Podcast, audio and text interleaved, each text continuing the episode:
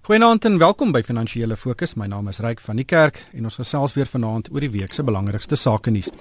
Die paneel vanaand bestaan uit Dawie Rood, bekende ekonom by die Efficient Groep. Goeienaand Dawie. Ja, goeienaand aan julle twee.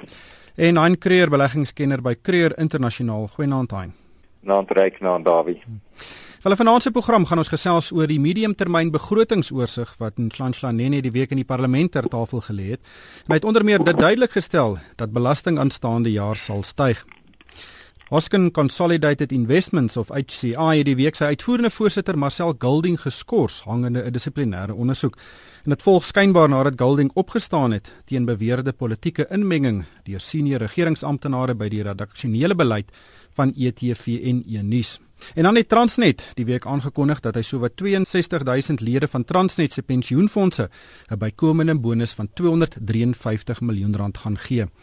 Maar daarby kom ons begin by die mediumtermynbegrotingsoorsig. Dit was die eerste keer dat minister Nene die begroting moes voorlê. Ek dink hy het dit baie elegant gedoen, maar die winde van 'n swakker ekonomie het baie sterk teen hom gewaai. Wat het vir jou uitgestaan? Ryk, ek dink die belangrikste wat my uitgestaan het is dat die minister van finansies baie duidelik verstaan dat hier 'n groot krisis en 'n groot probleem op pad is. Hy het natuurlik al die regte dinge gesê uh, wat 'n minister van finansies moet doen. Ek stem saam met jou, uh, elegant en ek dink met baie selfvertroue en het baie duidelik op die tafel gesit wat gedoen moet word. So ons weet presies wat gedoen moet word oor die volgende klompie jare. Dis nie net iets wat opgelos gaan word in maande nie, oor die volgende klompie jare. En en ek maar ek dink ook as mens so kyk na 'n paar dinge wat hulle doen is hulle maar besig om so 'n bietjie rond te trippel soos 'n klomp katte op 'n warm plaat. Maar 'n paar dinge wat besig is om te gebeur, ons kan miskien daaroor gesels. Ons baie duidelik dat die regering nou baie kreatief begin te werk gaan met die wyse waarop staatsfinansies bestuur word. Maar sonder twyfel, jy is reg dat belastings ons onderdruk. Ons gaan belastingverhogings kry volgende jaar wat bitter bitter jammer is want die regte antwoord is nie belastingverhogings nie. Die regte antwoord is om die staat te verklein en die staatsdiens kleiner te maak. Die staatsdiens het teen 'n geweldige tempo gegroei die afgelope tyd en die staatsdiens is ek bevrees is swak bestuur.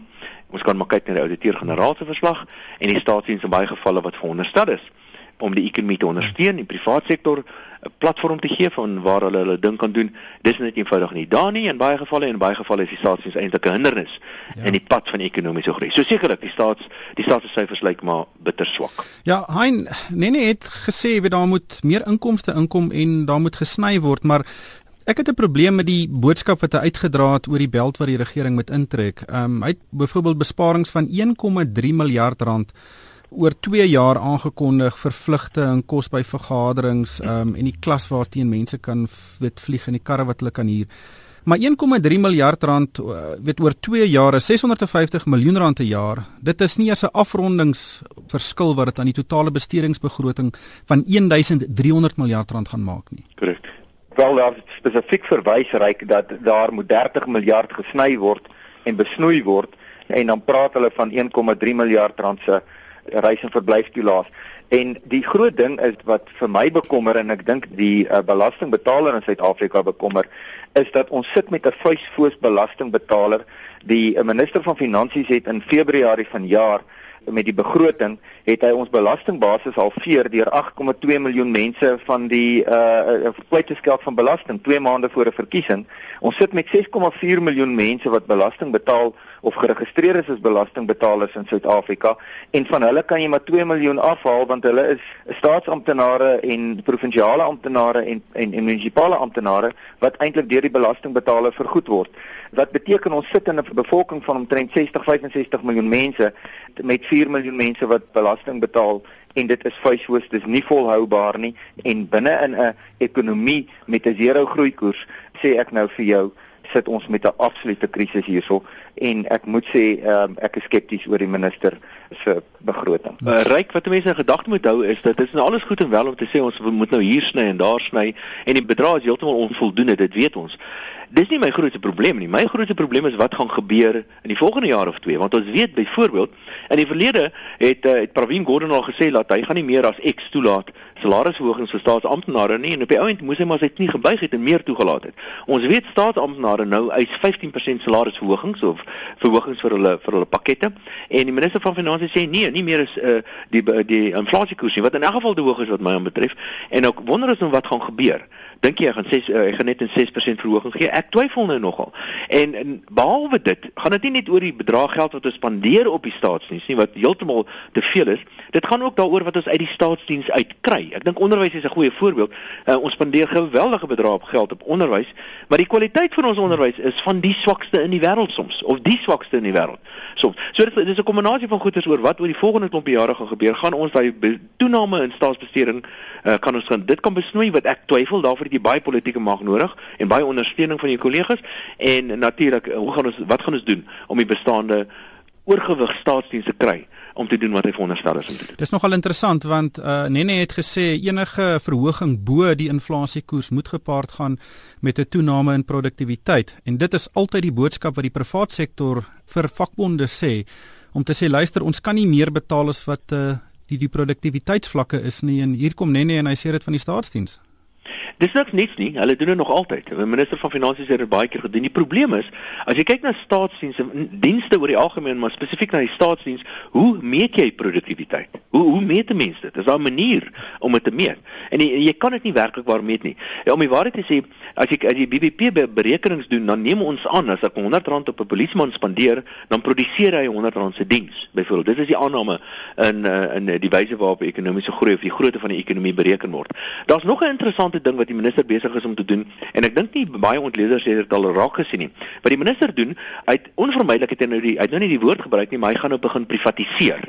En dit is natuurlik 'n vloekwoord in die huidige regering. Hy moet begin privatiseer want hy het nie geld nie. My probleem is egter dat hy gaan nou staatsbates verkoop. Ek vermoed miskien Telkom aandele of miskien Vodacom aandele en hy gaan hierdie geld vat wat 'n kapitaal item is en hy gaan hierdie geld vat en hy gaan dit vir sê net maar verliesmakende instellings soos SAL Suid-Afrikaanse lugdiens gee ja. en hulle gaan dit spandeer. So eintlik wat ons doen, ons verkoop ons verkoop 'n stukkie van die erf om op vakansie te gaan. Dis eintlik waar, waarop dit basies neerkom. Die staat is besig en dit gaan nêrens vertoon word nie. Dit word nie vertoon in die staat se se skuldsyfers of in die tekortsyfers nie. Nog 'n ding wat hy gedoen het. Hy het daar 60 miljard rand lening wat hy aan Telkom gegee het 'n klompie jare terug. Daai lening is nou afgeskryf. Dis eenvoudig afgeskryf. Dis nog steeds deel van die skuld, maar dit was nooit ingesluit in byvoorbeeld die staat se uitgawesyfers nie. So dit is die tipe van kreatiewe boekhouding waarmee die eh, minister van finansies tans besig is. Hein, kom ons kyk aan na uh, die ander groot storie van die week en dis Marcel Golding. Um, Hy's natuurlik die uitvoerende voorsitter van verskeie maatskappye het 'n hele sakeryk opgebou. En uh HCI um het Woensdag aangekondig dat hy geskort is oor skynbare wanbestuur of uh, wesenlike ongeruimthede. En aanvanklik het dit gebleik dat hy basies aandele in Ellis gekoop het sonder dat hy die nodige toestemming van sy direksie gehad het, maar dit het toe later aan die lig gekom dat Golding het geweier dat die regering invloed het op die nuusteking wat ETV aan die president gee. Dis 'n geweldige aantuiging en en 'n ongelooflike geveg binne hierdie direksie. Uh, wat is jou siening hiervan? Wel Marcel Golding uh, was in die in die uh, laat 80s vroeë jare 90 was hy 'n uh, 'n arbeidsaktivis gewees wat uh, daarna homself uh, baie goed gevestig het in die sakewêreld en veral in die media wêreld deur middel van HCI en ook nou eintlik as uitvoerende hoof uh, van van ETV dit is baie duidelik dat hier is 'n uh, 'n magstryd en ek moet sê die jongste nuus dat daar verwys word dat dit niks eintlik met die Ellis aandele te doen het nie maar eintlik te doen het met uh met nuusdekking lyk vir my amper asof dit tot die grondslag van hierdie storie kan lê. En ek dink ons is hier uh ongelukkig alweer besig met 'n baie vuil politieke geveg wat die sakewêreld omkrap wat baie jammer is want dit het ook 'n negatiewe refleksie dan ook op bemagtiging en en uh, eintlik 'n suksesstorie en bemagtiging wat ons hier gesien het. Ja, absoluut. En dan ook ehm um, Transnet het die week aangekondig dat uh, lede van sy pensioenfondse bykomende bonus van 253 miljoen rand gaan kry. En die groep sê dat uh, hy het nou sedert 2010 2,3 miljard rand se bonusse boonbehalwe die normale verhogings van 2% per jaar ehm um, uitbetaal. Hy net klink na groot bedrae, maar is dit regtig so groot? Ja, dis 'n goeie dis baie goeie opmerking wat jy daar maak, uh, Ryk, want jy weet, dis altyd lekker om hierdie groot bedrae rond te gooi, maar as jy gaan sien wat dit uiteindelik effektief in die sak is, veral van hierdie Transnet pensionaarsse en wat natuurlik met die klasaksie uh onlangs uh, nou redelik op die voorgrond gekom het, dan besef ons dat dit eintlik nie in werklikheid verskriklik baie geld in die mense se sakke is nie. Uh, maar um, ek ek wil my amper verstout om te sê hier lyk amper vir my so 'n bietjie na 'n propaganda storie, maar 'n uh, mens wil ook nou nie die baba met die badwater uitgooi nie. Elke sent is nodig vir hierdie uh, Transnet amptenare se pensioene of ou uh, Transnet amptenare in hulle sakke en 'n mens verwelkom dit van daardie kant af. Dit is natuurlik op die vaste voordele fonds. Met ander woorde, dit is ook 'n diskresionêre besluit uh, van die trustees om dit uit te betaal, maar ek moet sê ek het so 'n bietjie skeptisisme uh, na die klasaksie wat uh, suksesvol deur die hof uh, toegelaat is dat dis dalk deel van daardie van daardie spel. Daai daai klasaksie is in Julie toegelaat. Ehm um, en weet in en en is Johan Pretorius en Johan Creer Hulle gaan poog om tot om tot 80 miljard rand vir die pensioentrekkers uh, terug te kry. Weet jy wat die status is van hierdie aksie? Nee, op hierdie stadium lyk dit vir my asof daar meer voorbereidings getref word nou deur die regs uh deur die regspan uh, wat natuurlik uh, ek dink op hierdie stadium Prodeo optree of op een of ander so 'n manier optree vir die pensionaars. Maar dit is baie interessant en ek dink die trustees is is redelik sterk daar in 'n hoek ingeverf uh, en daarom verbaas hierdie uh hierdie uh toegewings op hierdie stadium my my nie veel nie maar ek wil ek wil nie graag die pensionaars is 'n se saak belemmer in terme van dat hulle elke sent nodig het wat hulle kan mhm. kry nie. Davie, ehm um, ek wil vinnig gesels, weet kommoditeitspryse reg oor die wêreld is onder druk. Ehm um, maar veral die olieprys. En natuurlik 'n laer oliepryse is baie goed vir Suid-Afrika. Wat is jou siening van van wat daar gebeur? Wel, um, ek dink daar's 'n klomp redes eh, wat hoekom eh, wel heel eers moet 'n mens noem dat uh, wêreldekonomiese groei doen nie so goed as wat mense verwag het nie. En swakker wêreldekonomiese groei is oor die algemeen nie goed vir hulpbronpryse nie en dit is een van die redes. Behalwe dit is weet ons dat die groot hulpbronverbruikers sien as 'n ekonomiese groei is ook swakker, maar behalwe dit is hulle ook besig om hulle die, die hulle uh, ekonomiese plan te verander. Hulle word meer 'n verbruikersekonomie en minder van 'n investeringsekonomie. So oor die algemeen is hulpbronpryse in elk geval tans onder druk. daarmee saam kry ons ook aan die Amerikaners die afgelope tyd geweldig baie beleggings gedoen het in die sogenaamde shale gas van hulle of die skaliegas en al baie skaliegas ontdek en uh, dit word nou gesê dat die Amerikaners heeltemal onafhanklik gaan wees wat energie aanbetref binne 'n jaar of 2. En ek dink dit is miskien een van die belangrikste redes hoekom ons hoekom ons sien dat die oliepryse verskerp daal. My vermoede is dat die oliepryse in hierdie rond hierdie vlakke rond gaan bly so tussen 80 en 90 dollar vir 'n vatjie Brentolie. Uitstekende nuus vir Suid-Afrika en ek verwag 'n petrolprysverlaging moontlik in die omgewing van so 30 sent of so 'n liter of selfs bietjie meer. Ongelukkig is dit so dat die wisselkoers van die rand hierdie afgelope tyd nou nie lekker saamgespeel nie. So ten spyte daarvan dat die oliepryse nou skerp gedaal het, kry ons nie die volle voordeel uit nie, eenvoudig omdat die wisselkoers van die rand so skerp verswak het. En in in totaal gesien, as mens kyk na ons groot lopende rekeningtekort, is Suid-Afrika eintlik baie swakker af weens 'n verswakking in die rand as die voordele wat ons kry weens die verswakking in die rand. En dit laat mense nou nogal dink aan die die oproep wat Kusatu gemaak het 'n klomp jare terug dat ons met 'n swakker rand hê, want dit gaan nou konsies allerlei dinge doen. Nou het ons 'n swakker rand en ons het nog steeds 'n swak ekonomie. So ongelukkig kry ons nie die volle voordeel nie en ek het so vermoed dat die olieprys gaan maar op hierdie rondvlakke rond bly vir 'n vir 'n redelike en 'n lang en geruime tyd. So die enigste geleentheid vir Suid-Afrika om regtig laer petrolpryse te sien is as die rand verder verstewig. Die die oliepryse dink jy nie gaan verder sak nie, maar die rand moet terugkom uh, na vlakke van R10 en R9.50 vir ons om 'n wesenlike daling in die in die in die petrolprys te sien. Dit is moontlik dat die oliepryse verder kan daal as ons hierdie politieke onstabiliteit in die Midde-Ooste is dit op 'n of ander manier tot 'n einde kan kom kan die oliepryse baie skerp verder daal. Maar op 'n sekere plek raak dit nou 'n uh, uh, onwinsgewend vir sekere produsente om olie te pro te begin produseer. My gevoel is dat die oliepryse waarskynlik tans op 'n plek is. In Saudi-Arabië het ook nogal aangedui dat hulle hou van die oliepryse waar dit tans is. Of die rand gaan verstewig, dit twyfel ek. Ek het so vermoede na ons gesprek oor die mediumtermynbegroting van die minister dat daar 'n goeie kans is dat ons 'n afgradering gaan sien en dit beteken 'n afgradering beteken die rand kom verder onder druk en dit beteken langkoerse styg en inflasie styg en allerlei pynlike goed in die plaaslike ekonomie. So nee, ek is nie baie optimisties oor die wisselkoers van die rand nie. 'n Beste scenario is miskien 'n R10.50, maar oor die langer termyn is daar net een rigting vir die rand en dit is swakker. Hein? Ja, nee, ek stem volkomme saam met Dawie daar.